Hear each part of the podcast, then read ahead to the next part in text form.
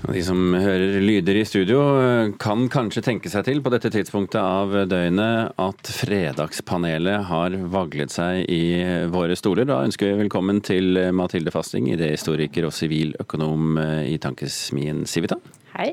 Kristin Skare Orgeré, professor ved Institutt for journalistikk og mediefag ved Oslo OsloMet, velkommen. Takk. Og en helt uh, ny panelist uh, i dag, gestaltterapeut og foredragsholder Anders Martinius Tangen, velkommen til deg. Hei, hei. Ok, Denne uken så ble det kjent at Twitter forbyr politisk reklame. Ledelsen i Twitter mener sosiale medier gir annonsørene en urettferdig fordel gjennom å spre målrettede og villedende budskap. Så da blir spørsmålet vårt, og vi kan jo begynne med debutanten, og siden du er debutant, så sier jeg ja og nei, ikke sant? Og så tar vi det etterpå. Eh, spørsmålet er bør vi forby politisk reklame i alle sosiale medier? Nei. Ja. Nei. Da skal du få lov til å debutere, eh, eh, Anders Martinus Tangen. Ja, nei, altså i, um, I, valget mellom alt som er rart og gærent på nettet, så tenker jeg at politisk reklame er kanskje ikke det første vi skal gripe tak i. Uh, nå kunne også en ideell verden ønsket seg bare snill, konstruktiv, ærlig politisk reklame. Og at uh, man kunne vedta en lov som sa at all reklame skal være snill og konstruktiv og um, oppryddende og oppklarende. Det tror jeg ikke kommer til å skje. Men eh, jeg syns at hvis én politisk reklame fra ett parti, nå snakker jeg mest ut fra norske forhold, eh, kan gjøre at noen unge stemmer og engasjerer seg politisk, så er det egentlig en oppside ved denne reklamen. Selv om det skulle vise seg å være feil i reklamen? Ja, men altså, du kan ikke stoppe vannet. Altså, Vannet renner uansett, og du kan desinformere på så mange måter. og Da blir det bare de som desinformerer, blir enda mer kreative. Og de greier seg alltids. De trenger ikke penger for å påvirke. Ja, sa Chiré. De blir veldig mye bedre av penger eh, til å påvirke. og Problemet hittil har jo vært at dagens regelverk tar for seg fjernsyn, mens eh, det er jo på nett og i sosiale medier at Eh, valg vinnes i stor grad. Så derfor, når vi nå ser at politisk reklame eh, fungerer på to måter, både den bekrefter overfor kjernemålgruppen det de allerede vet, eh, de som sympatiserer og ønsker bekreftelse på sine valg, men også at den som bruker mest reklame, penger på reklame, vinner, så har vi en reell demokratisk utfordring. Så det mener jeg at vi bør tenke i retning av regulering. Ja. Og, og i Civita så prøver dere å påvirke politikerne? Ja, og skulle vi drive med gal påvirkning, så ville vi nok bli tatt hvis vi skulle si noe som ikke var eh, riktig. For det, da vil andre komme og gå etter oss. men det, det er mer en forskningsbasert institusjon, ikke sant? Tross alt? Det kan du si, tross alt. Men, eh, men det går over hele skalaen her. Men eh, altså, desinformasjonen som eventuelt politisk reklame skulle komme med, den er nok lettere å oppdage enn den desinformasjonen som du var inne på, som allerede ligger der. Og hvis du tar USA, da. Jeg hadde ikke trodd jeg skulle si jeg skulle være enig med Trump og Zuckerberg, men faktisk faktisk så endte jeg jo på Jeg hadde aldri trodd jeg skulle si det. Men i hvert fall så, så kan du si at Trumps Twitter-konto og det han sier, sier, der, den går jo ut eh, og har en enorm påvirkningskraft eh, bare ved at han ikke bruker penger på det i det hele tatt. Han bare tvitrer, og det deles ut, og det deles og deles og deles og deles og likes og likes. Og, og sånn er det jo med, med, sosiale medier uansett. Så jeg tror at denne politiske reklamen er bare en bitte liten bit av det, og det er ikke der slaget står. Det er et helt annet sted. Men, men Trump det er jo ikke strengt tatt politisk politisk reklame i, i egentlig forstand? Ja, hva skal vi si? en heldagsjobb å følge Trump på Twitter. Men, men, uansett så er det problemet er jo at det er falsk påvirkning ute og gå her, og det er sterk påvirkning. Og sosiale medier generelt er sterk påvirkning, og det er ikke kun den kjøpte reklamen som egentlig er en ganske liten bit av det, så vidt jeg har skjønt. En, den største delen er jo alt det som vi selv sprer og er med på å spre gjennom alle mulige kanaler som vi bruker. Facebook, Twitter, alt mulig. Mm. Men uh, kjøper du ikke også argumentet, eh, Anders, til eh, Kristin her at det, det, er jo allerede forbud på TV fordi at det er de rikeste som vinner frem? Absolutt, og det er et demokratisk problem. Men så tenker jeg at eh, hvis du er rik og ressurssterk og har kontakter med russiske trollfabrikker, så vil du altså uansett finne måter å påvirke på som vi som vanlige velgere da ikke vil gjennomskue, fordi det ikke er politisk reklame hvor det står 'dette er annonse', f.eks. Eh, reklame blir for meg da noe av den mer ærlige politiske kommunikasjonen, kontra den hvor jeg ikke skjønner at jeg blir manipulert. Mm. Det siste er vel med russerne, at den, den, den, har gått på den siste, ikke på den kjøpte og betalte, men på alle de andre måtene. Det er nettopp det. Mm. For meg så handler det om at de argumentene for ytringsfrihet som vi har hatt med oss egentlig helt siden opplysningstiden, nå står under veldig sterkt press. Uh, og i en virkelighet der den som betaler mest, vinner ordskiftet, så syns jeg vi skal begrense den politiske reklamen i sosiale medier. Apropos å vinne ordskiftet, det er noe som vinner frem i det norske språk. Og Språkrådet er nå bekymret for fordi mange ansatte på restauranter og kafeer her i landet bare snakker engelsk. Og En undersøkelse fra rådet viser at annenhver nordmann har opplevd det i det siste, og så mye som hvis jeg ikke husker helt feil, 80% syns det er en eh, uting. Dette er det jo grunn til å uroe seg eh, for. Eh, ikke bare for det norske språket som fellesspråk og kulturobjekt, som vi i Språkrådet selvsagt er veldig opptatt av, men òg for eh, mangel på tilbud om god norskopplæring i arbeidslivet i Norge.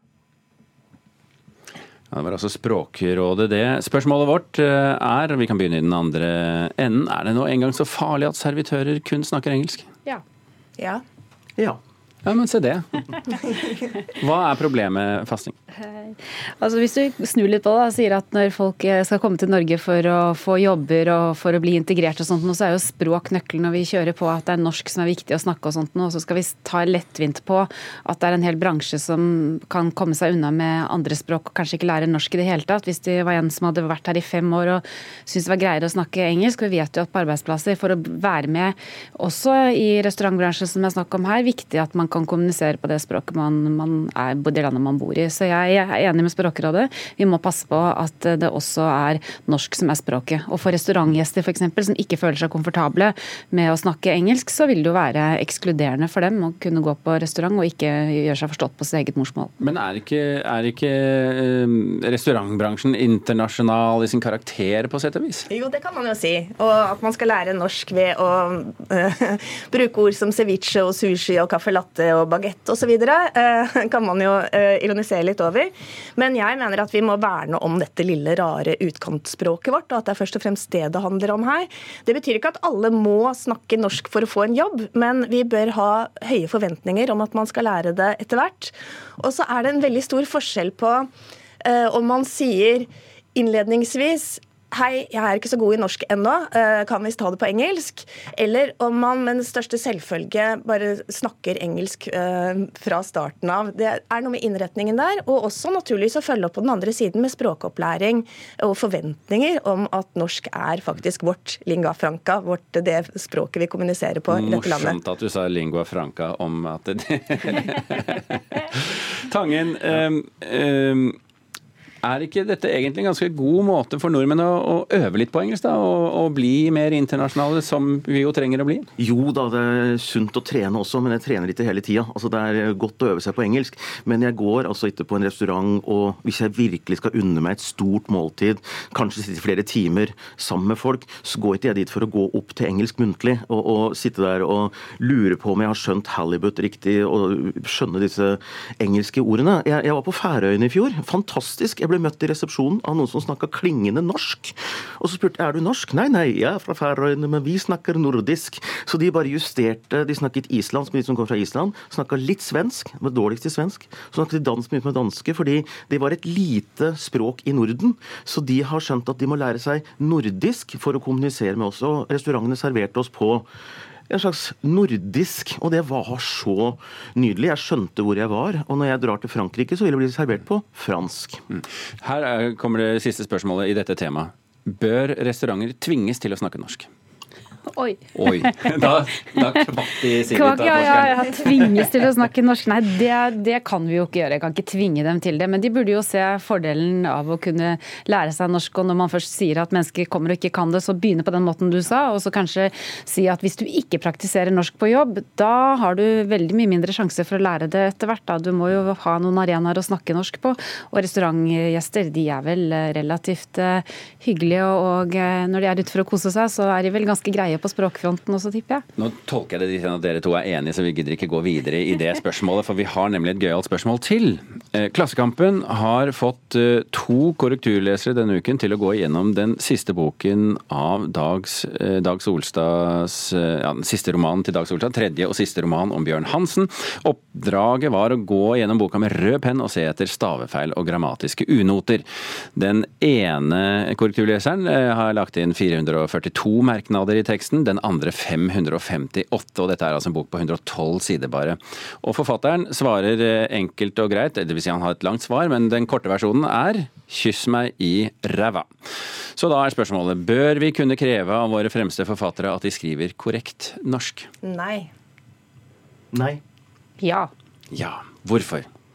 Nå høres jeg kjempestreng ut. Ja, ja, ja, og så leste jeg i Klassekampen i dag at hun trakk seg jo helt. Hun, eh, Mari Skula altså, var ikke noen, var, unnskyldte seg for Solstad i dag tidlig. Så da tenkte jeg var det riktig å svare ja. Men så tenkte jeg at jo, man må kunne skrive i hvert fall eh, Hvis man først har bestemt seg for å ha, som han argumenterer for, da, kunstnerisk frihet og skal skrive hvordan han vil, så er det jo forskjell på det og på slurv, da, vil jeg si. Så jeg har lest eh, Tenkte på en annen romanforfatter som er nobelprisvinner. og Sarah Saramago heter han, eller han er død nå, men han skrev jo uten punktum stort sett. Han bare brukte komma. Men han gjorde det så bevisst at det ble en egen, helt særegen skrivestil. Men hadde du kjørt den på korrekturleseren på norsk, så hadde du fått mange, eh, i hvert fall eh, mange røde hakker.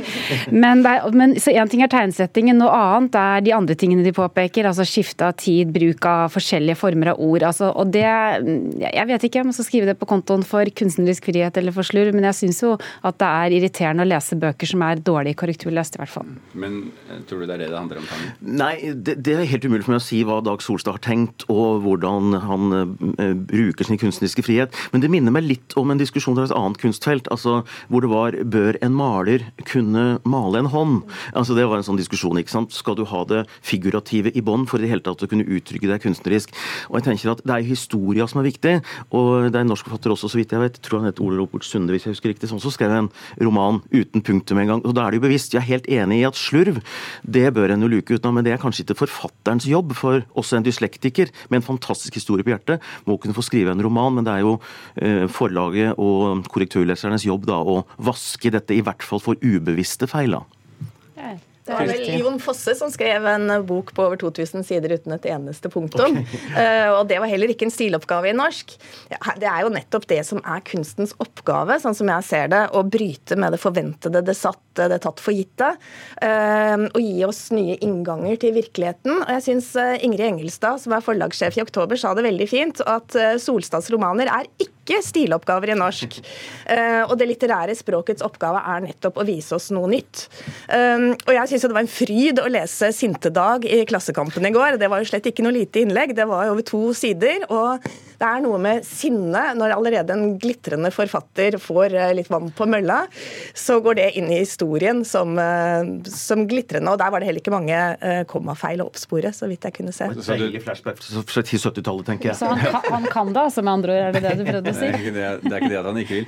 Men, men er, er dere redd for at det fortviles lærere over hele landet som skal prøve å få ungene til å, til å skrive korrekt? Nei, jeg tror man må få en lese lesegleden, og så kan man lære seg kommaregler eh, i tillegg.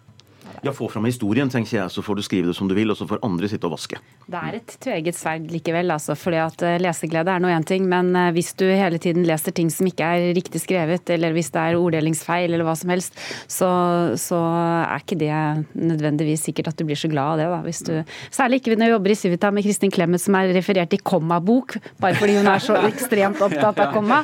Så hvis du spør meg om komma, så Så det var Kristin Clemet som bestemte hva du skulle svare i dag? Nei. Jeg synes det var veldig morsomt å se i går at eh, noen minnet meg på at Dag Solstad i 1968 klaget over mottagelsen på sin andre bok, som var en essaysamling. Eh, og da rykket han inn en annonse i Dagbladet i juni 68 og sa ba alle som hadde kjøpt den boka, Svingstol het den, om å ta en kulepenn, stryke over tittelen og kalle den 'Perler for svin' isteden. Så Solstad, det er over 50 år siden. Eh, så han, dette er jo også et ekko fra fortiden. Skal jeg få lov til da å runde av med følgende oppfordring? Til alle i studio og alle som hører på, og alle som ser på NRK1. Les eh, Dag Solstads siste bok eh, hvis dere liker Dag Solstad. Den er en fortreffelig roman. Så det. Ok, eh, da takker vi for Fredagspanelet i dag. Mathilde Fasting, Kristin Skare Orgeré og Anders Martinus Tangen, takk for at dere utgjorde vårt panel i dag.